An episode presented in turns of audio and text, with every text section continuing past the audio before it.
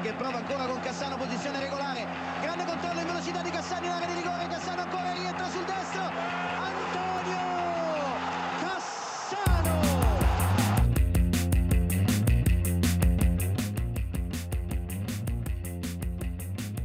Heil og sæl og verið hjartana velkomin í Puntur og Basta Vikulega hlaðarpiðum ítalska boltan Ég heiti Þorgir Lóðarsson og, og ég sitt hérna einn í stúdíun á Söðlandsbraut því að fjárverðandi er hann Átnið Þórur Andersson en á línunni að vanda er hins vegar Björn Már Ólafsson Björn, hvað segir þú gott? Hvernig, hvernig er lífið að, leika við þarna í, í Danmörku? Lífið er bara nokkuð gott hérna það er hérna haustið komið og hérna laufin að falla og, og allar götur uppfullar af svona hérna kostningaskiltum, það eru kostningar hérna í Danmarku eftir hvað, í lokmánaðar og hérna, Danir eru með þessa hefð fyrir þessi hérna, andlit á stjórnmálamönnum gjössanlega sko út um allt í borginni. Þannig að það svona setur svipsinn á borginna en annars hef ég það bara fínt. Búin að vera í lærdómi og, og prófi núna í dag og fínt að geta geta hérna sest niður eftir, eftir langan uh, lærdóms og prófadag og hérna hort á Cremonese hérna já, Cremonese leikinn og og Sassuolo uh, vera helast Verona topp leikir hérna eins og, eins og heyri, Já. veri hvað ég er spenntu fyrir þessu leikum Já, það er virkilega iljandi að, að geta gert það svona gæti að komið- sopna yfir með þess að Já, er það ekki svona góð jarbinding að fara bara beint í það eftir að hafa sittið við lærdómi og svona? Já, mjög, mjög góð leið til að að geta sig. Já, hvað hérna var hann þessar kostningar, eru að tala um bara svona hausa billboard bara hverju, hverju gatnamóti eða? Já, bara hérna, uh, já, þetta er eitthvað, þetta er eitthvað dönsk hefð sko, hérna hengja bara risastóra myndir af svona einstakling, einstaklingum með, hérna, með einhverjum listabókstafi liðina og þetta svona fíkur út um allt náttúrulega í danska haustuna, þannig að þetta liggur hérna alveg þess og kruss, en hérna, þetta er svona, það fer ekki fram hjá neinum að þessu kostningar allavega. Nei, þannig að það er er allavega góð auðlýsing Já, sérstaklega fyrir mig sem er ekki með, er ekki með kostningarétt. Nei, já, þetta þetta bara fyrir fætið þér og, og tröflar sko uh, Leitan Átni gátt ekki verið með okkur, hann er vant við látin en hann verður mættur oftur hérna í næstu viku Hvað var eitthvað svona úr þessari síðustu viku sem er að líða sem, að, sem greip þig? Þú var náttúrulega verið sveittur hérna og sitið mest megnis yfir bókunum en, en var eitthvað svona í lærdómspásunni sem, að- sem greip þig? Já, maður geti hafa kíkt í nokkrar, nokkrar landnámspásur yfir þessar umferð, nei, það er bara skemmtir umferð heilt yfir, hérna, það voru alltaf stóri leikir, toppslægir, alveg allan að tveir, svona alvöru hérna, stórir og, og bara margt svona skemmtilegt rauðspjöld og, og svona dómara dómara hiti svolítið og en annars var örgulega hápunkturinn uh, um helgina var hérna uh, stuðnismenn Fiorentína þeir hérna hafa verið mikið í brennendefli og kom inn á þennan Fiorentína interleik núna eftir en hérna þeir mættu þeir, þeir láta menn heyra það ef að menn svíkja það og fara eitthvað annað og er oft með svona harða bannera fyrir leik. Og þeir voru hérna með uh, reysastóran fána fyrir leik gegn Indira sem stóð uh, þegar anstæðingar okkar uh, nálgast okkur kastaði frá sér skjöldum og sverðum leggjast til jarðar og gefast upp. Þetta er einhver vísun í einhverja meðaldasögu og uh, þetta rúluður út hann fyrir leik og það tók Indir hvaða 90 sekundur að skora fyrsta markið þannig að þetta hefur ekki, þetta hefur ekki verið, valdið meir óta heldur en það. Þetta var svona skemmtilegur móli úr hérna leiknum. Það var að byrja að kasta höggum bara þarna stuttu síðar Vist að ég voru ekki að gera gott inn á vellinum Var þarna í Já. stúkunni einhver, óverðir eftir leik somar Já, það var, einmitt, það var löngu umfyllurum í gasetunum með dag um að það sé sér að bara Artemi og Franki sé orðið bara ákveði case hérna uh, það- og þeir, það eru rifið að fullt af aðtökum bæði hérna þegar Spalletti fekk að hera þarna fyrir á tímbilinu og slagsmál sem hafa verið í stúkunni fyrir þannig að er, þetta er mjög hostile krát sko, og, svona akkurat núna kannski svona mest, mest hostile krátið á Ítalíu. Það er, að þeir þurfa aðeins að róa sig hérna í, í Flórens. Já, einmitt, maður hefur séð að verið svolítið hérna, þétt seti á völlunum og þeir hafa mætt þrátt fyrir dabist gengi liðsins. Þannig að bara þetta er svona einhvern veginn kannski líka bara mikið gert úr þessu einhvern veginn þessu litla dæmi sem við sáum um, um helgina fannst mér bara þú veist, einhver slagsmál út í hotni rautuðu nánast á hverja á hverja miðla og, og er þetta ekki bara svona vikulegu hlutur í þessu eða? Jú, jú, ég veist, eh, þetta er er ekkit verið eitthvað risavaxi vandamál sko, sérstaklega með hvernig þetta oft hefur verið svona fyrir tíu árum síðan þá, þá er nú ekki mikið einhver últras vesinni allan innan vallana núna sko, þetta er svona eina önnur bara eitthvað svona fyllir ís nefa samlóku, nefa, nefa panini sé útdelt þarna upp í stúku sko Já, akkurat En eins og þú segir, þá voru þetta hérna, já, svona, hvað getur við talið? Þrýr svona mjög áhugaverður og, og skemmtilega skemmtilega leikir, stæsti leikurinn var náttúrulega Derby del Sole í henni eilifu höfuborg Róm, það sem að tvö anstæði fótbollasjónum með mættust. Varna sína er menn Mourinho. Þurfti að lúta í lægri hlut fyrir léttleikandi Napolímönnum og, og þjálfarnir sem eitt sinn þjálfaði Róma eins og svo margir muna. Loka tölu í leiknum voru 1-0 og það þýðir að Napoli er búin að sigra 11 leiki í röð í öllum keppnum og, og það er met fyrir partinu og pay. Þannig að hérna met sem hefur nú heldur betið staði þó, þó nokkuð tíma. Og þeir bara halda áfram að að rúlla nánast sama hvað gerist. Og, og svona gaman, mikið gert úr óvinnu þess að tekja stjóra fyrir leik en, en svona þeir knúsist allavega fyrir og, og svo voru eitthvað smá orðsendingar eftir. Hvað svona fannst þér um, um þetta stóra tilöfni þarna í, í Róm? Mér er svona leikunum kannski beraði spínu keim að, að, hérna, að báði þjálfarar hefðu verið sáttir með stík held ég fyrirfram, mér er svona bæði lið svolítið þessum varnasinnu, Róma auðvitað eins og alltaf vel þessa dagina en hérna við að breyka á þá en, en Napoli líka fannst mér svona ekki jafn free flowing og þeir hafa verið undanfarið og hann byrjaði líka með uh, Viktor Rosimenn upp á topp um, sem var hann að glíma við Chris Smalling allan leikin sem var svona mjög áhuga að vera svona leikur í leiknum baráta sko. uh, sem að, sem eiginlega Smalling hafði yfirhöndan eiginlega allan leikin nema í hérna markinu, mistar einu sinni fram með sér og svolítið klöfalega og og það var það sem að skildi liðin að. Ég held að myndi kannski byrja með Raspadori eða einhvern og reyna svona vera svolítið spila með meira léttlikandi sóknarlínu á móti þessum svona stóru og sterku og þungu hafsendum hjá Róm Róma, en hérna já, mjög taktísku leikur. Þetta var ekkit, ekkit, ekkit rosalega mikið fyrir augað heilt yfir, mjög mikið að stoppum það var einhver var dómur, nefnum hann á eftir en hérna, já, mikið, mjög mikið tensjón og svona maður gæti alveg sko þreyfað á svona bara hérna andrumsloftinu hérna í gegnum sjónvaskjáðun heldur betur, það verðist einmitt vera að Ósi menn sé bara hans helsti maður kannski svona augljóslega í, í framlínunni. Og þá Raspadori kannski þá meira svona hugsaði fyrir Evrópu, það er svona myndi sem þeir hafa teiknað einhvern veginn bara út frá genginu en komir líka svolítið óvart að hann hafi mitt byrjað bara með Ósi menn og ég hugsa nú að ef að Smáling hafi fengið að ráða hvað framverjum hefði viljað mæta það hafði hann ekki valið Ósi menn. Þannig að þetta útspil hjá hérna, Spalletti það svínvirkaði. Þótt að eins og þú segir að þótt að Spáling hafi nú ágætist tök á honum hann í leiknum sko, þá bara einhvern veginn svona raukin sem að Spalletti ferði fyrir því, mér fannst það svona sanna það af hverju hann valda hann sko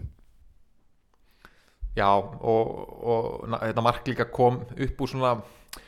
Já, ef, ef maður sjá, sjá marki þá er þetta líka komið upp úr einhverjum svona atrið sem þau eru búin að æfa þú veist, það kemur sendingan í gegn í fyrsta á sko algjörlega blindandi ég man ekki hvort það var eða einhver sem átti sendingur inn fyrir og spila hann algjörlega blindandi sem á svona sínir alveg að sko að menn, menn eru búin að vera að æfa svolítið þetta uppspil og, hérna, já, bara flott marki á þeim og á samanskapi þá skapaði Róma eiginlega ekki neitt. Þeir fengu hann eiginlega eitt svona döðafæri það sem náðu kannski ekki skota markið en, en mikið færi samt og, hérna, og það er talað um það mikið á Ítalíu að þetta var svona þeir hafa hingað til að vera með hátt XG á fámörk en í þessum leik voru Já, hækkar XG-ið maður. Já, nú, nú var ekkert hérna, já, nú var ekkert hérna, XG, ekki hátt XG og bara engin færi og, og eftir að Napoli kemst yfir þá tekst þeim að drepa leikin bara á sko vettarhelming Róma. Róma kemst allir við miðju síðustu tíu mínútunar þótt að þeir séu að sækja, reyna að sækja mark sko. þannig að svona, já, svolítið um meðsli líka á Róma og í framlínunni og, og svona að gera það mervitt fyrir en hérna, en samt bara ekki framistæðan sóknarlega var, var alls ekki nógu góð hjá, hjá Róma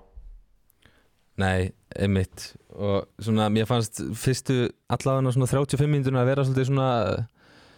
já, Róma svona svolítið stýrði í leiknum. Þú veist, þetta var svona á þeirra törms einhvern veginn leikunum sjálfur og svo bara einhvern veginn þú veist, er þetta Napoli svo ótrúlega vel spilandi og hafa þess að þrjá hérna frammi til þess að geta grípið í og þess að breytt Elmas með sendinguna það finnst mér vera líka bara veist, það sem skilur bæði Napoli og Róma og Napoli önnu lið og Napoli önnu lið í deildinni hinga til sko. þetta er einhvern veginn lang besta breyttin og, og þó svo þessi að deila við eitthvað meðsli þá bara stíga aðri menn upp eins og við svo oft komum inn á sko. en, en varandi þetta XG með eitt punktur í því sko, það, þeirna, þetta eru tvö efstu legin sem eru með þess að þetta eru tvö hæstu XG legin í deildinni en samt skilja 11 mörg liðin að í raunverulegi markaskorun sko. það er bara og, og það færi sem þið fá hérna til með Sann Jól og færi eitt færi hérna það er bara eins og þeir hitti einhverja fyrirvændi kærustu þegar þeir lítu upp og sjá markið sko, þeir koma hérna í gegn sko. það er bara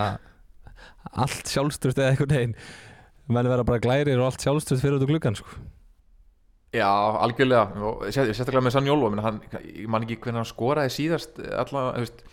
það var allt farið úr honum í markaskorun. Hann var frábæri í leiknum, fekk hæstu engun hjá í Rómaliðinu og Mourinho var alveg mjög sáttur með hann en, en eins og Guðmund Guður, það er bara, hann getur ekki skora og hérna, það er bara, það er bara horfið og hérna, og þegar Dybala er ekki með og Pellegrini er spila tæpur og hann er sparkaði rosa mikið niður og um leið og hann er sparkaði niður þá drepur allt tempo einhvern veginn hjá Róma þannig að anstæðingarnir að það þú veist ef að, að Pellegrini gerir ekkert þá, þá gerist ekkert. Þannig að en já, sóknarlega mjög léleitt hjá Róma og, en Mourinho var svo sem ekkert hafði ekkert voðalega mikið með leik að segja sagði að þetta hefði, jafntefli hefði kannski verið sangjart og mér sínt svona rétt áður að Napoli skorar þá, þá fannst mér eins og leikur myndi fara jafntefli eða Róma myndi mögulega ná að setja eitt. Mér leið svona ágætlega fannst þið verið með svona smá tök á þessu en, en já, þetta Napoli liðið bara ólseitt og þeir eru núna búin að fara bæði til Rómar sækja þrjápunta þar og til Milano Mi- AC Milano og sækja þrjápunta þar þannig að það er bara ótrúlega stórt og, og er unni veist, það er snemma en þá, eh, snemmt en þá en hérna, þú veist, það er þá bara þeirra samt, algjöru klaufaskapur ef þeir hérna, ef þeir veist, tapa titlirum það, er, það, það getur vel verið að þeir geri það þeir hafa, annað, hafa það nú gert en Já. þá munið þeir tapa titlirum bara á einhverjum heimaleika móti Cremonese sko. Já, þetta var alltaf svolítið test fyrir suma þarna, þú veist, ef maður horfið til þess hvernig Róma spilaði, þú veist, eins og fyrir kvara það var auðvitað að það átti að aðeins að stuða hann og reyna að komast inn í hausin á honum sko, mér finnst þetta bara samt bara svona bara ef maður take, away eftir hérna sigur hjá Napoli, er bara það að mér finnst veginn Spalletti bara verið í svona veginn fullkomni ró sko. 63 ára gamall, það held ég sé bara svona aldur hann sem þú bara nærði einhvern þú veist, náttúrulega búið að gera mikið úr ó- óvináttu eða svona, hvað segir maður bara svona andans mitti þjálfar hann að tvekja þeir eru náttúrulega eldað gamla sál, hérna, gamla gráa silfri saman heil lengi og, og Mourinho var náttúrulega duglegur að kommenta á störfin hans Spalletti þegar Spalletti var Inter. Og það fór einhvern veginn oft í hausin á Spalletti sko og núna bara, þú veist einhverju svona, einhver smá test sem Mourinho hendi í Napoli, þeir bara leistu það ótrúlega vel og og þú veist, það þarf eitthvað það, einmitt, það þarf kannski eitthvað nýtt að koma upp fyrir þetta lið til þess að, eitthvað, kannski eitthvað af því að þú veist, þetta er eiginlega helsta testið þeirra finnst mér eitthvað neginn, þetta rómalið, þú veist, það eru önnur stóru lið sem þið mæta en svona ef að það kemst í gegnum þetta Róma útivelli þá eitthvað neginn hafa þær sínt mér ansi margt sko. Já, já, ég er alveg sammála og, og, og Spalletti er líka bara einhvern veginn stærsti karakterin í þessu liði og, og, þar með tekur hann eiginlega allt á sig held ég, ég held að þeir sé ekkit mikið að velta fyrir sér einhverju hvað Mourinho er að segja, held hann sé alveg með eh, klefan alveg gjössamlega og bara ef, ef þeir, já, hann segir eitthvað þá, þá treystaði því. Og einmitt, hvar að skilja var góður í leiknum líka, eða, hann, hann skapaði ekki mikið en Já. hann var bara ljári í þúfu eins og maður segir í á Ró- Rómavörðunni, ég heldur að allir sparkaði í hann allan að tvisvar og og hérna og bara gift út af hérna nokkrum varnamönnum bara sem voru þreyttir á eldan og svo, svo var eitt fyndi klobba aðtök hann- hann já, svo fyndi aðtök eftir leik hann að Karstorp sem var nú búin að eiga smá brasi við hann hann það virðist vera sem að að hann, að- hann hefur hint dómaran en hérna og það var eitthvað að vera að spyrja út í þetta og hann virðist fá raukt spjaldi þegar dómaran held á mynda sem að dómaran heldur að rauðu spjaldi. Mhm. og það næsta myndbanda sem hann einhvern veginn verið trinda dómaranum og hann var inni og sagði að þetta hefði nú bara ekki miskilingur og þetta, hann hefði ekki fengið rauðspjald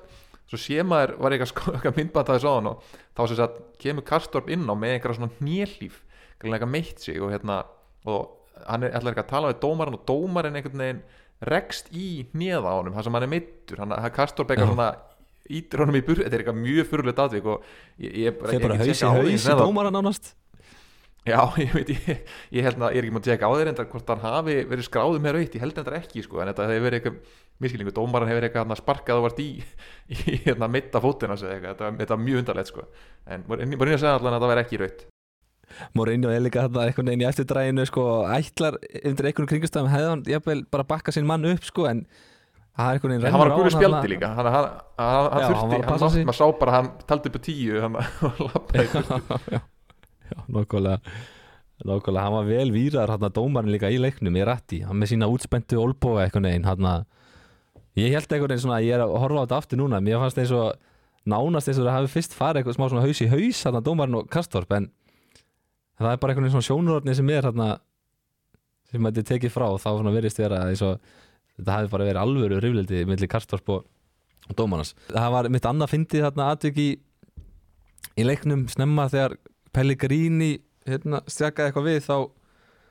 unnu sem sagt Napoli boltan og, og það var svona eitthvað neina óljóst hvort þeir ætla að stoppa eða ekki. Og svo voru þeir með boltan heil lengi. Og leikurinn held áfram. Og hvara mætir Karstorp, kloppar hann eitthvað neginn og bara svona gerir algjörlega lítið úr honum. Og svo stoppar hann sjálf leikin það er bara eins og sá sem með valdi hefur sko, bara hann það var svona síndi eitthvað neginn hvað hann á hvað stað hann er sko. Það er bara eitthvað neginn það var, það var mjög skemmtilegt moment sko þetta, þetta jafnvægi sem hann er með sko, þetta er ótrúlegt, það er einhvern veginn bara á lítlum svæðum, já, það er bara dá- dáist á hann, alveg enn ennit leikin Já, og allir einhvern veginn útsprengtir hérna en hann bara einhvern veginn með sína kákasus hérna holningu sko með einhvern það er útrúlegt sko. En hérna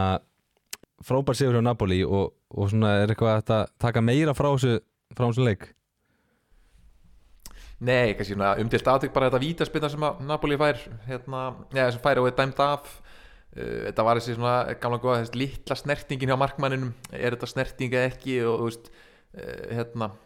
það var nú svipað aðtök í interleiknum inter fjórum tína, það var svona sem að markmannin svona rétt setur lungutung í boltan en, en hérna og það er dæmt víti og það var og samt dæmt víti. Meðan hérna þá var, þá var þetta tekið af og hérna en veist, mér finnst ef, ef að markmaður næst snertingaboltan á sama tíma eða svipum tíma og tekur manni þá finnst mér það eigi að sleppa það er svona almennt mín skoðun sko. En hérna, þetta var mjög tæft og hérna, og dómarinn mitt þurfti að fara og skoða þetta og, og hann spertur með sína, dómarinn með sína spertu holningu þetta, þetta svona jók tensjónið í leiknum líka. Hann, hann hattar ekki að stöðva leikin aðeins og segja mönnum að nei, nei, nei, nei, sko þið róa ykkur aðeins, nú er það ég sem, ég sem stjórna hérna. Hérna Þú myndir segja bæði að vera vítið sagt Nei, Báða- Nei, hvorugt bæði, hvorut víti fyrir ekki Já, já, já, Já, þið, að mínum að þið sko, þessi, þú veist, ef þú, nærið snertingu þú ferði í þetta og, og, og nærið snertingu á boltan áður eða svona svip, sama tíma og tekur boltan og mannin þá, þá hérna, og, og þessu reynir í boltanu þetta, þá, þá finnst mér það, það ég að sleppa sko. Já, það er pottet einmitt eftir bókinni og það var það sem var gert þarna í gerðin, bara einhvern veginn svona horfandi á þetta sem er einhver algjör sofa sérfræðingur þá fannst mér eitthvað rámt við þetta líka því að þú veist, hann nær hérna hvað, þú veist, á ekkert þú veist, á hann einhvern veginn ekkert að hagnast af þessu leikbarni sjálfur eins og endómbili hérna í Rómaleiknum. Þú veist, hann nær snertinguna undan og kemur sér fram hjá markmanninum og markmannin nær ekki nógu góðri snertingu einhvern veginn, hann í rauninni fellir leikmannin í leiðinni og þá Já, kemst hann ekki fram hjá hann og þótt að hann, þú veist, er snert, hann, hann tekur hann niður í leiðinni einhvern veginn og nær, Já, það er, nær tæk, það er svo kannski bara svo tækling sko, bara eins og tækla mannin og bolt, boltan og mannin sko, það, það, það, er svona, það er alltaf lift sko, þannig að er svona já, eða ef það er ekki og gróft sko, það er enda svo sem alveg þannig sko. En hérna Napoli liði lág að skapa sér smá fórustu á toppnum með þessum sigri og frábært eins og í Evrópu bara og, og allstar þá halda þeir áfram að, rúla ef við fara yfir í Inter Fiorentina leikin sem að var ég held að það sé alveg hægt að segja það. Bara leikur tímabilsins hingað til Björn í þessari dild Já, þetta var bara patsa inter, er gamla góða eins og voru hérna alltaf kallaðir eh, brjálaða inter eða rugglaða inter eh, þeir voru þekkti fyrir að vera með svona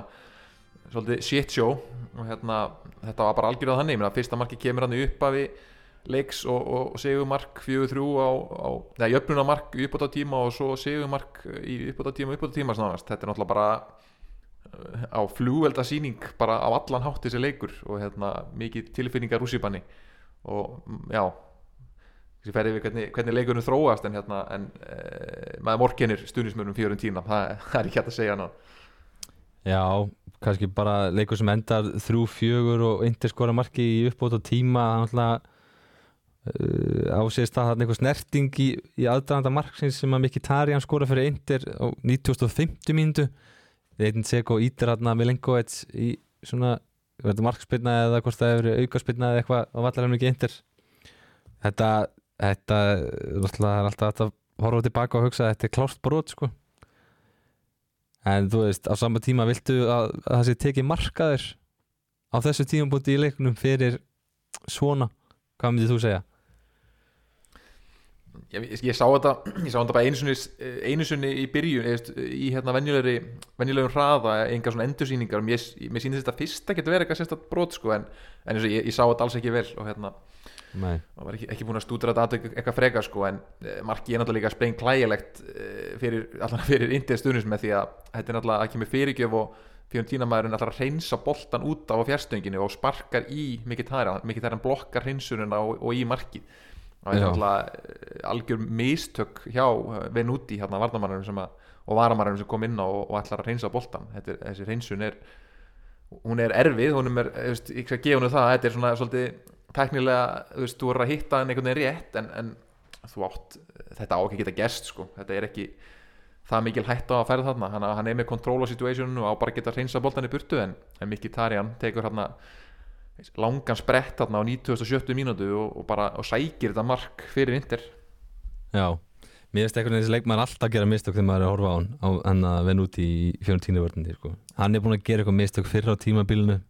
alveg bara svona mjög augljós mistök sko. og ég er svona ég skil ekki alveg okkur þeir eru ekki með eitthvað annan mannan í hægri bakverðinu sko. Já, hann, hann Dótó spilaði sko, ég held að hann bara var út af mitt, mittur eða, eða, eða, hérna, eða þreyttur sem það Venuti er, hann er varamæður sko, hérna, já Já, kemur inn á hérna reyndar, já, já, eða mitt. Já, leikurinn, þetta er bara, svo fyrir mig að líka, þú veist, Barella skora þetta er tvær myndur, Lautaro Martínez bæti síðan við, áður en Gabral minga munin hann í fyrirháleik 2-1 fyrir Inter í hál- hálfleik og svo, svo kemur uh, maður sem við hefum ekki, ekki hrifið okkur hinga til á tíðanbílu, Jónatan í kónu með þetta svaðalega mark. Já. Einhvern veginn Hann á þetta til greinlega, það er, það er ljóst.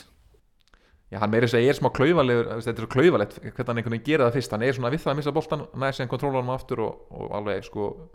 hittir hann beint í vingilin hann, köllar hann í fjær og bara algjörlega óverandi Hann En, sá maður eh, hvað já. hann er alltaf að reyna sko, fannst mér einhvern veginn. Það er bara, já, þetta að reyna þetta því að þetta er einhvern veginn alltaf sömur heimingana hjá honum sko. Svona einhvern veginn smá svona bara er rosa einfættur köttar inn á völlin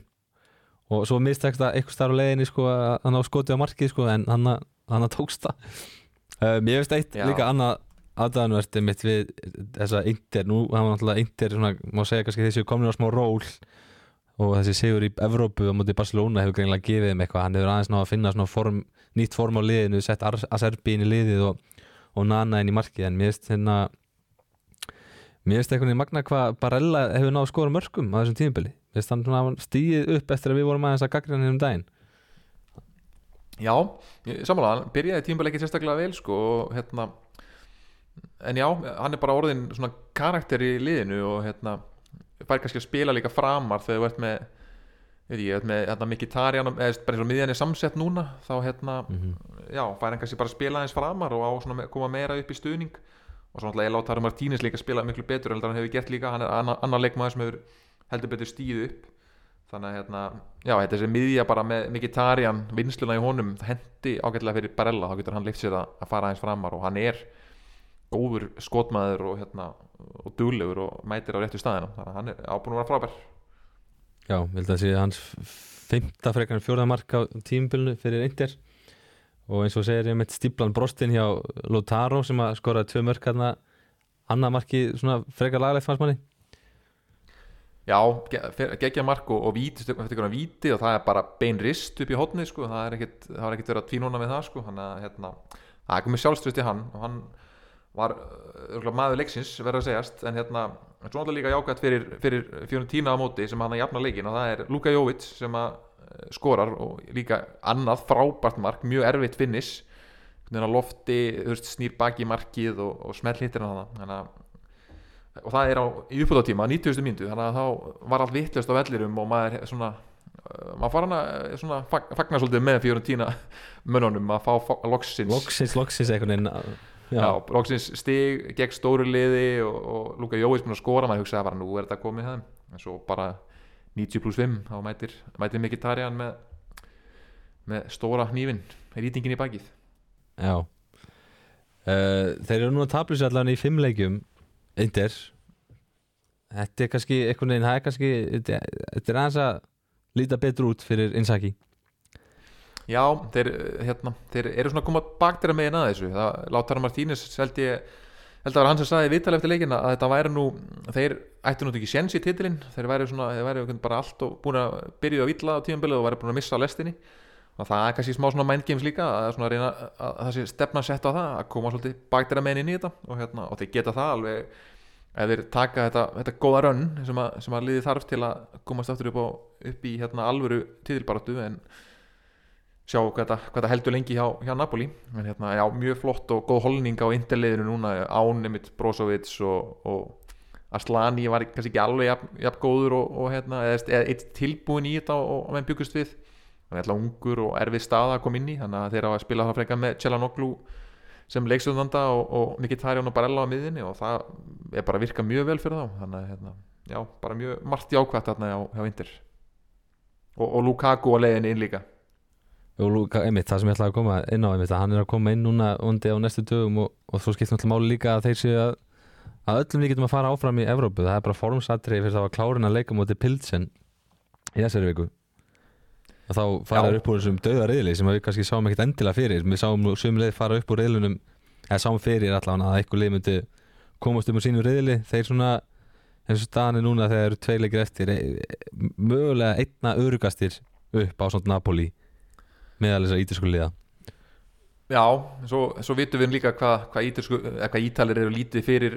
lítið gefnir fyrir eh, formsatriði. Þannig að hérna það, er alls ekkert örugt þetta geti við getum verið að tala saman eftir, eftir tvo daga og þeir verið dotnir út eða hvernig sem Allt leikurinn er sko. já, já, getur verið allt annað hljóði í okkur sko. Já, en já, mjög bjóst, bjóst ekki margir við því sko, og hérna, og bara múin flottir í Európu sem að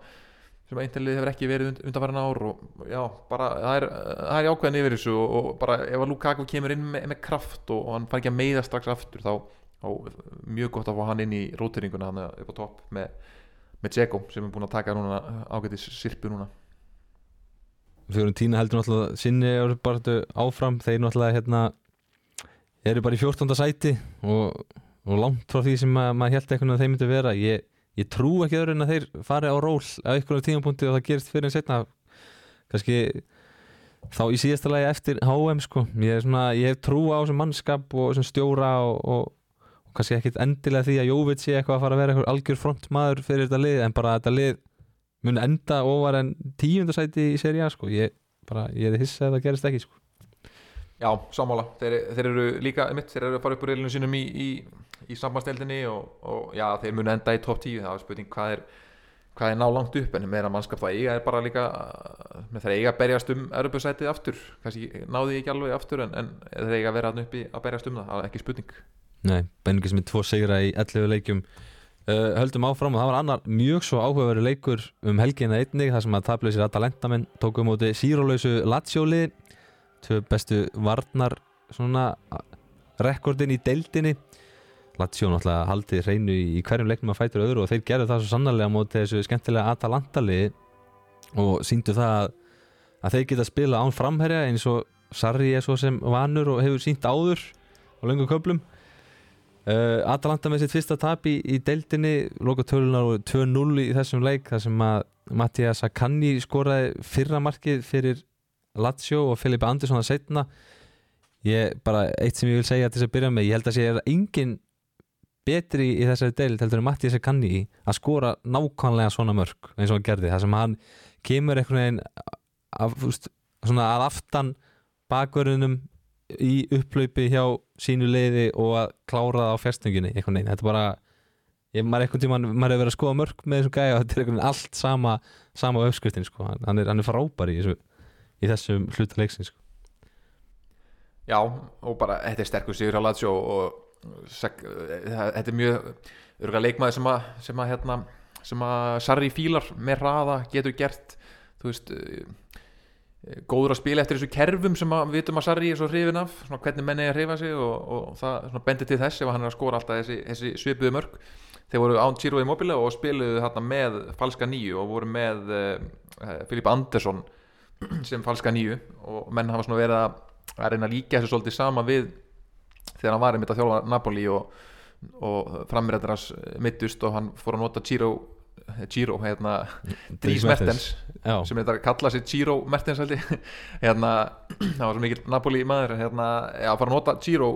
Mertens sem hérna falska nýju og sem gekk svona svakalega vel og þá menn sé að hann sé ekki búa til svona smá falska nýju úr uh, Filipe Andersson uh, Mhm. sem bara mér veit ennar leik virtist virka ágætlega og hérna uh, þetta marki sem hann Filipe Andersson skora líka er, var frábært. Það var bara, mm, menn geta hort á þetta mark þetta er bara svona klára snögt þetta var svona framherja, framherja slút svolítið. Þannig að við bara lít, enn og aftur lítu vel út fyrir hérna, fyrir Lazio en, en svona Atalanta liði kannski svolítið það er svolítið þunnskipað þeir hafa verið að fara þetta svolítið á eh, varnarleik og, og líin einni og, og svona en hérna eh, já, menn voru kannski orðnið svolítið orðnið, svolítið þreyttir hérna hjá þeim og, og já, sjá, spurning hvort að þeirra svona rönn sé að enda núna. Þeir sé að fara að lenda kannski leið sé að, búin að lesa á kannski Það er einmitt spurningin sem ég myndi hafa sko. Ga- Gasperini er ekki múin að taka, tapa leika á tímubilinu og hann fer í viðtal og, og missir einhvern veginn hausinn bara um leið sko. talandi um að að hérna, það var mjög gaggrinn á sína leikmenn, sérstaklega fyrir fyrirháleikin að þeir gátt ekki klukkað og áttu ekki breyk og það hefur bara verið hörmulega framist að hjá sínum leikmennum svona, einmitt, maður speysir svolítið þessu hvort að hvort að ballið sé búið núna hjá þeim sko. Já, og, já, algjörlega og hérna, Lús Muriel næri sér í raut spjaldi upp á tíma sem eru heldur ekki, ekki gott verð á það er svona sóknarlína kannski sem er svolítið svolítið þunnskipuð, svolítið þreytt fyrst mér, Adam, Adam Óla Lúkmann er komin inn hérna, búin að vera svo sem sprækur en hérna en já, þetta er, þetta er svolítið þund og hérna, eins og þeir hafa verið að fara þetta svolítið á, á líin einni fyrst mér og hérna þannig að ég held, ég held ég spáði þessu sem ekki í tóf fjóra og, og svona held við séum kannski aðeins að fara að sjá þá fikra sig öllítið niðar á töfluna. Það það sem þeir munu enda. Sarri var nú bara nokkuð léttur eftir leikin sjálfur. Hann, hérna, var gott sem hann sagði þegar hann var spurður út í það af hverju hann hafi verið svona rólegur á meðan leiknum stóð. Það, það sem hann er vanalega full æstur og, og svona töltir alltaf meðfram hliðalínni örgulega í 80 85 til 95 mínútur sko. Já, Á- jafnblandi á, hérna, á munnstíkinu jafnblandi á munnstekinu hann sagði bara að teknikin hjá Daniel Orsato fjóruðdómar hafi verið svo góð að hann hafi bara sest niður sko. Já, ok það það var sem við Róbert svar sko. þegar, þegar hann er farin að, þegar Sarri er farin að slá og létta strengi þá veistu að hann er í góðu skapi sko. það, er, já, það er ekki maður sem hlæra, hlæra bröndurum nema þessu sérstaklega fyndnir sko. Og aftur halda þér reynu með þinn mann í markinu þurfum ekki að fara eitthvað svakal út í það en,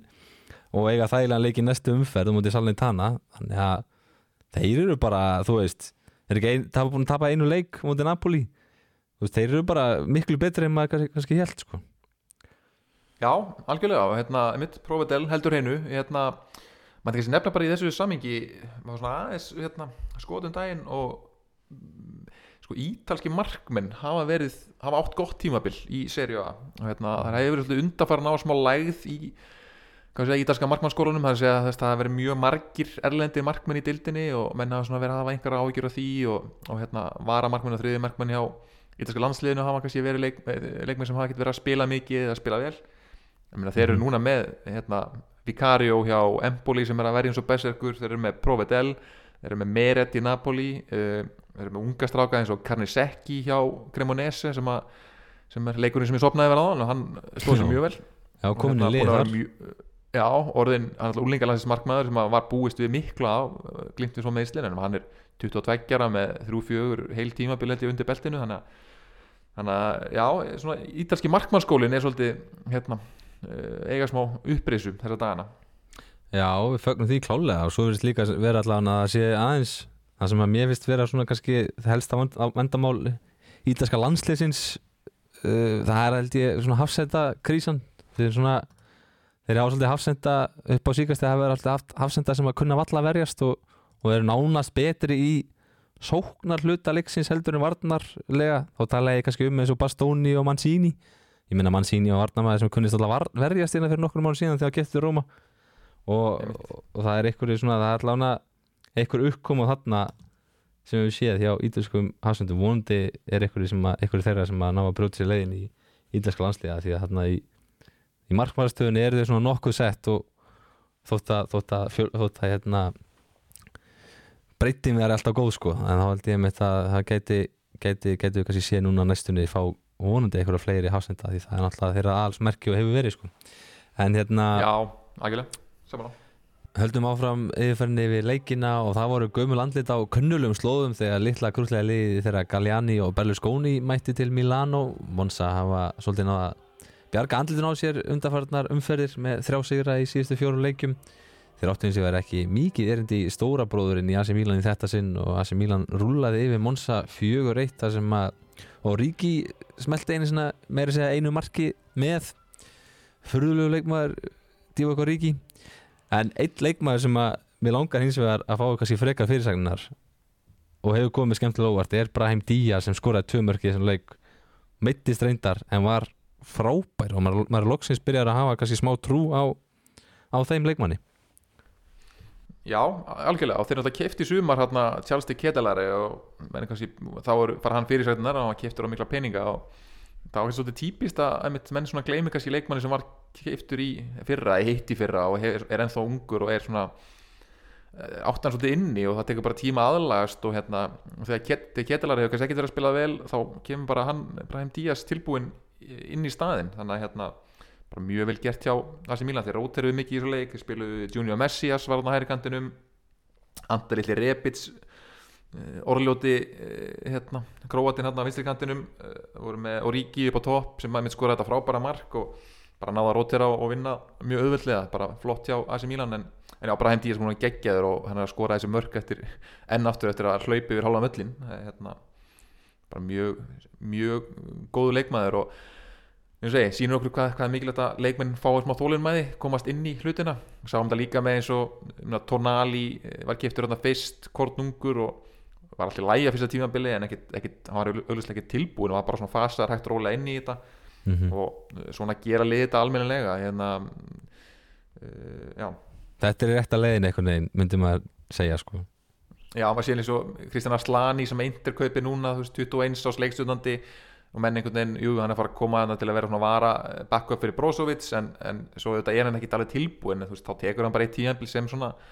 þú veist, þriði, þriði maður og hérna, svo kannski næsta tíðanbíli þá, þá er hann tilbúin í að taka við þessu þannig að menn, menn hafa þólinn maður þarna og menn er ekkert að tjálta til reyna nætur og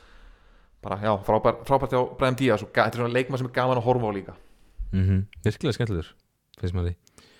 Uh, Leá kemur náttúrulega inn á skora sitt hefðbunna mark, það þurfti náttúrulega að plata hann inn á hann var ekki alveg að nenni þessu. Og ég manni man ekki alveg hvað staðan var þarna þegar hann var settur inn á en það þurfti eitthvað hans að samfæra hann sámaður og, og svona rattinar í kringum hann. Hann var nú kannski svona örlítið fæst fæst um ásinn ef, ef maður segir sem svo þú veist, það er svona aðeins háværi að tala um hann geti farið. Fyrir tímabilið og í sumar náttúrulega kom bara svona létt tjekka upp hjá Chelsea hvort það væri á lausu og maður var mjög samfarið um að maður ekki fara þá. Sömulegis svona þegar tímubili hófst þá var hann mjög hávær og talaði um að hann ætlaði að halda treyði við klubbin en svona verðist vera sem svo að hann sé eitthvað sé mögulega eitthvað sé eitthvað áhrif hann þessi, þessi miklu orðunumar og, og hvað veit maður svo sem en, en vildi bara allavega að nefna það svona þetta verðist allavega að vera að það sé eitthvað hann gæti mögulega farið Já, með við samningsstöðuna líka þá, þá, þá, þá er þetta alltaf spurningamerki. Meðan hún er eins og hún er og hann er bara með eitt ár eftir þessi samning þá verður þetta bara umræða svona þangar til, til hann krótar undir. Já, og þú segir, notaði breyttina Pjóli í þessum leik uh, þeir fengum sér að slæma fréttir í vikunni með Mike Magnan sem að verðist að meðist eitthvað ennþá meira og, og það hjálpa þeim ekkert sérstaklega sem að Tatur Usanu fekk annað aukarspilnumarka á sig í þessari viku, þetta var nú kannski þó glæsilegra heldur en en hitt og aðeins lengra færi. En það lítur að vera svona kannski smá létti fyrir Pjóli að það sé að koma HM, það sé ekki þurfi ekki að díla við þetta næstu, sjálfur næstu tvo mánuðina. Já, svona með Antjóni og Mirandi hérna sem þriðja markmann. Líka orðin ansi, ansi gamalt þótt að maður vilja náttúrulega sjá hann þann meistara spreiklæðin á vellunum sem er bara að reykja á bekknum og reglega sko. Já. En, en svona, bara hvað finnst þér um þetta Monsa verkefni þú veist við hérna höfum kannski ekkert ná að tala um þá mikið fyrir utan að þeir hafa skipt um stjóra. Mér nokkað bara svona aðeins að spurja þeir svona bara úti í hvort að þeir hvort þú haldir að þeir geta haldið sér á þessu tímbili Já, ég heldur muni að halda sér. Þeir, þeir eru best manna, best mönnuðu nýliðarnir eins og við tölum um fyrir tíanbilið og við spáum því að þeir myndi halda sér og ég heldur muni gera það. Þeir eru þeir unnu í, í vikunni unnuði líka í ítalska byggarnum það var umferð þar hérna í, síðustu viku þar sem þeir unnu út í Nes einmitt 3-2 og, og menn eru sóknarmennir hérna eru komnir í hans í gang og ég held að þeir munu klálega halda sér en, en vera bara einhver svona uh, rétt svo hæfilegri fjallega frá, frá fallseti, ekkit, ekkit meira en það. En svona þú veist, þegar þú horfður aðeins lengra ef, ef hægt er að gera það, þú veist finnst þér þetta, heldur þetta að sé lið sem er að fara að vera lengi í deildinni og, og veist, í efri hlutanum eða eða bara svona sig- sigla leikna sjó? Já, það fyrir bara eftir hvað metnað Berlú Skóni hefur held ég. Hérna, já, eh, hvað hann enn er að standa í þessu lengi og hérna þannig að ég- þetta er ekkert eitthvað sjálfbært held ég en Monsa er ekkert stór klúppur þannig sé eru þarna vegna þess að þeir eru með peninga þannig að þetta fer bara eftir svolítið þeir eru bara upp á, komnir upp á náðir uh, Silvíós eins og, eins og svo margir á Ítalíu. Mm Þeir geta byggt, byggt þetta allavega rétt. Þeir eru alveg með nokkur, nokkur svona nokkur púsl sem er mjög skemmtileg Já, já, og, sóttuðu mitt þarna hvað er hann, Pessina frá Atalanta sem er uppalinn hjá þeim, er að sækja þannig gæja sem er alltaf bara landsliðsmaður og á besta aldri þannig að, jú, það er alveg skemmtilega hlutir og, og, og gaman að, bara gott við dildin líka að sé fjársterk lið e, sem eru þarna sem að geta borgað samkemmislega laun og geta svona ítt svolítið ítt ítalska bóttanum svolítið ofar. Já, ég veit ekki af hverju mitt það, hérna, ég er svona, mér finnst þetta smá þetta er náttúrulega alls ekki eins dæmi það er eitthvað svona smá læpsig bragur yfir þessu. Þegar maður horfir bara einhvern veginn inn á völlin stjóran og þú veist, ekkert mikið meir en það sko. Það er bara svona einhvern veginn, það verðist verið að sé ekkert að byggja þetta eitthvað ofratt, það er einhverju, bútaratna sem maður gætu verið í góðu mónsalið eftir nokkur ár. Læpsin náttúrulega fór strax í topp fjóra í búndislíkun en það er kannski aðeins léttara að komast í topp fjóra í, á Þískland heldur en í Ítalíu. En bara svona einhvern veginn, ef það er metnaðarna og, og þeir gerir þetta rétt sko, þá held ég að þetta gæti orðið smá svona einmitt, eins og Leipzig, það sem þeir eru alveg að fá þú veist, kannski aðeins betri leikmenn og dýra leikmenn hinliðin í kring og, og kannski ná topp tíu þú veist, ár eftir ár og mögulega Evrópu eitt árið sko Já, þetta er svolítið eins og Sassolo náttúrulega sem er bara með ríkasta eigandan á Ítalíu. Eða voru með, hann, hann er dáið núna en hérna, þetta fjölskyldan hans eigi þetta. En þú veist, þeir komist upp með þeir er ekkert að reyna einhvern veginn við Europasætin ég heldur að við einu sinni náðu Europasæti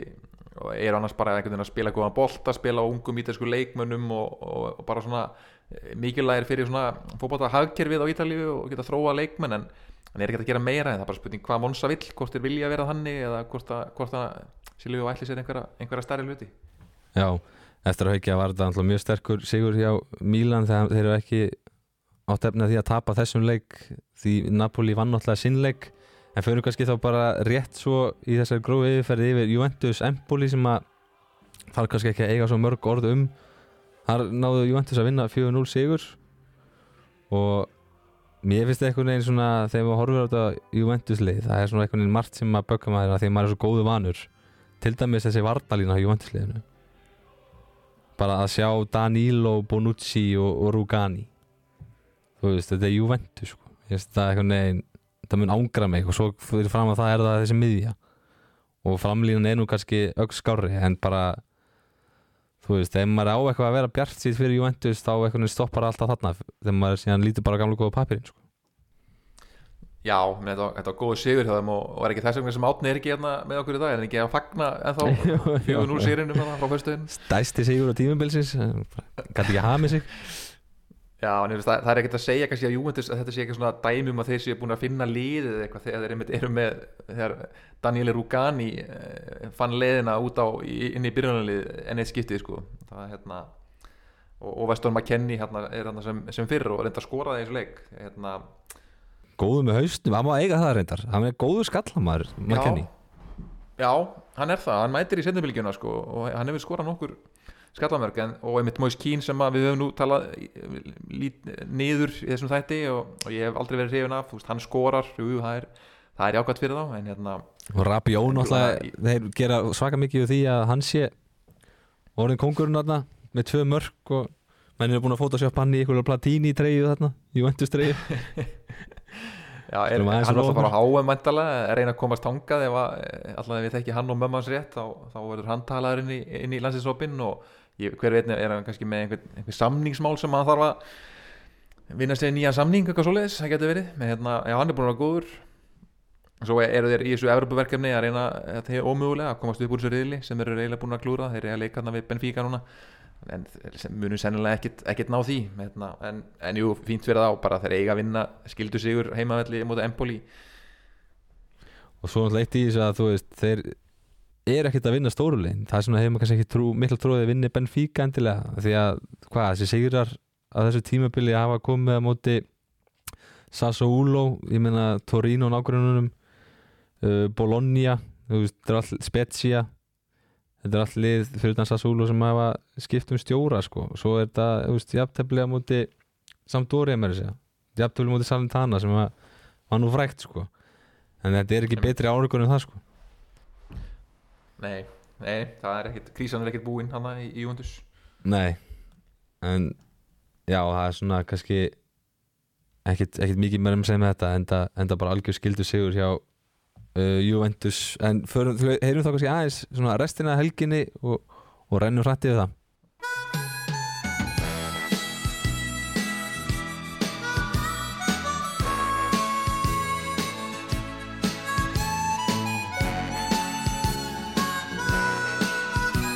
Still Traore. Traore's low ball.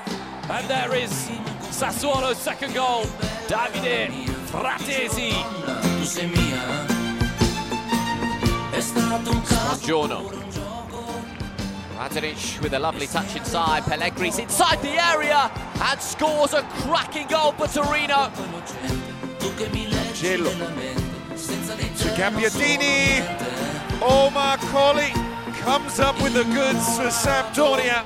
in the relegation six-pointer. This is Matsocchi!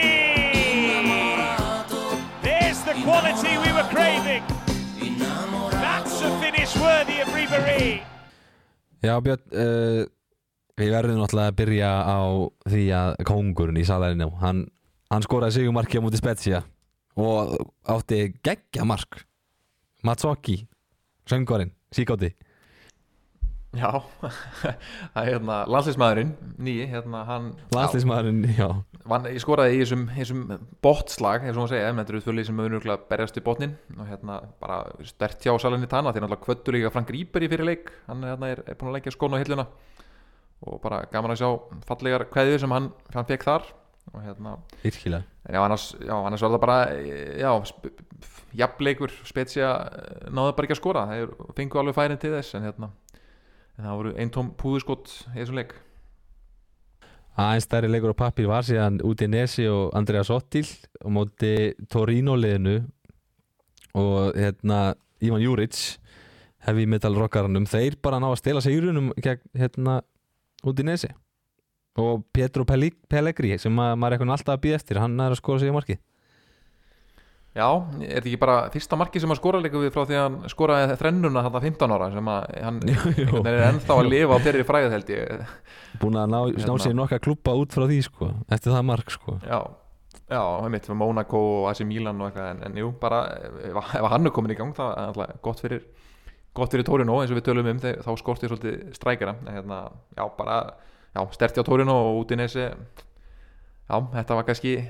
þetta var það sem við fengum frá þeim á tímanbílinu og, og nú eru þeir aftur á leiðinni niður það sem að, það sem að þeir munu, munu enda. Spurning hvort að við getum farið bara að kvæða þá vonandi ekki. Uh, eða þá umfjölluna, ekki, ekki pett í deildinni. Uh, Bologna, þeir unnu sigur, Tiago Motta. Þeir fengu þarna vítaspilnu hann var var moment í, í leiknum og Arnautovits mætti aftur og búið að vera eitthvað smá smá tal um það að það væri eitthvað betri framherri mættur í framlínuna eitthvað, bara eitthvað gauð frá Hollandi. En hann síndi þeim að hann er þá kongurinn Já, bara, og, og hérna Þórir Jóhann kom ekki til sögu hjá, hjá Letsjum, til miður.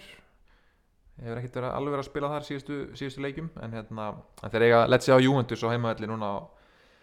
næstu helgi. Og ég, ég er búin að spá því, spá því í síðustu þetta að hann muni byrja þann leik. Þannig að hérna, við sjáum, sjáum hvernig það fer Já, engar ísla, íslenskar innkomur í, í þessari, þessari helgi. Það svona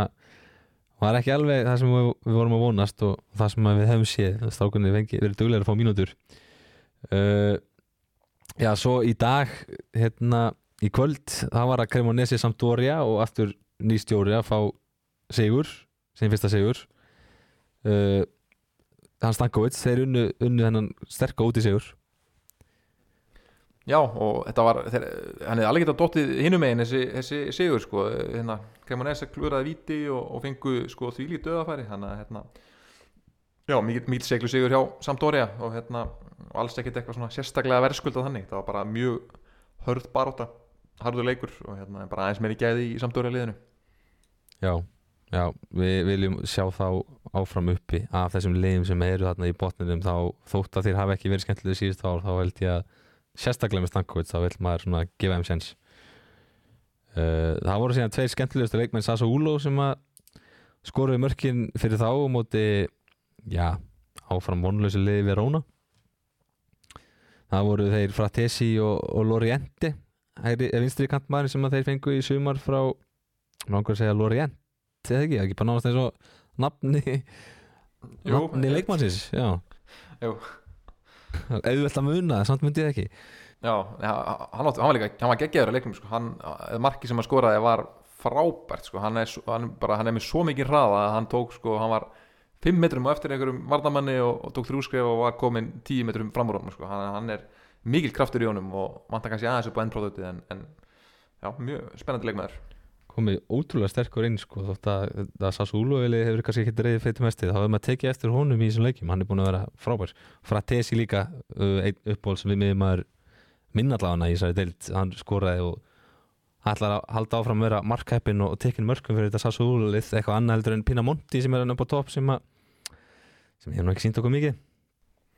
Nei, hann er meira bara einhverjum assistum sínist mér sko. Og hérna, hefur náttúrulega eiginlega aldrei verið mikill markaskorari þegar maður skoðar tölfræðina svo það er ekkert að, ekkert að breytast Nei uh, Það er svona upptalið allan þá þessi, þessi úslit í þessari 11. umferð uh, Hver svona finnst þið skilið að vera útnöndur leikmaður umferðinar Björn? Sko, það er nú það er annað gott að segja ég með Lautaro Martínez gerir stert tilgaldi þess Mm -hmm. Svo er kannski spurning með hérna einhver frá já, hinum uh, stóru leikjunum. Hérna Filipe Andersson kannski. En ég ætla að gefa Lautaro Martínez þetta. Þetta var, þetta var rosalega, bara svo svakalega leikur. Það verður að velja leikmann úr þeim, þeim leikmismir Já. Mér lang- mér langar svolítið að útefna þjálfaran þá ekki endilega Spalletti heldur bara Freka Sarri fyrir hann að sigur á Atalanta. Mér finnst þetta ekkert smá, smá sterkur sigur fyrir þá. Já, Hvað- já sammála. Mjög, hvað hann gefur svo sem ég búið framhaldið að gera finnst mér bara, mér finnst það sterkur í, í núinu sko já, já, sammála. Ég gefum honum það. Það sendum einhverja, viðurkenning á hann Þjálfar umferðinar eitthvað stupp á hann. Serja B það vindum okkur hratt yfir í það. Hvað fengum við að sjá í Serju B Björn? Herru, Hjörtur Hermansson kominn í byrjunarliðið hjá Písa þeir eru hérna á þeir unnu 4-2 og hann fekk bara frábæra reyngunir fyrir þann leik. Þannig að hérna, það er vonandi að það sé að það sé bara nelt það byrjunarliðsæti og þeir séu að fara að klifra aðeins upp töfluna. Uh, já, síðan var það uh, Albert sem að hvað byrjaði hann ekki á bekknum? Nei, hann byrjaði inn á Svo- Nei, hann byrjaði unnu 2-1 sigur á Ternana útivelli, Cristiano Lucarelli er að þjálfa Ternana liði og hérna, einmitt. tóku þá tóku þá uh, 2-1 eftir að lent 1-0 undir. Þannig að hérna, þeir, þeir eru bara í toppnum með þá hérna í hvað öðru seti og bara stefna hraðbyr upp í efstu deild aftur. Ég, maður trúir ekki öðru sko. Mattia Kóta með tvö mörg, sá kann að skora. Já, ég sagði nú fyrir tíðanbelið að ég mynd- held nú að ég myndum fá að sjá mikið af mörkum frá honum og assistum frá, frá Albert á hann. Ég veit, ekki alveg hvernig þessi mörk voru í þessu leik en, en ekki láta ykkur bregða ef að, ef að, ef að Guðmundsson átti eitt eða tvö assist þannig Nákvæmlega, nákvæmlega. Uh, Svo þá í kvennaboltanum þar voru þrý leikir eða það voru svolítið fimm leikir ætla ég nú að segja. Uh, AC Milan vinnur Juventus 4-3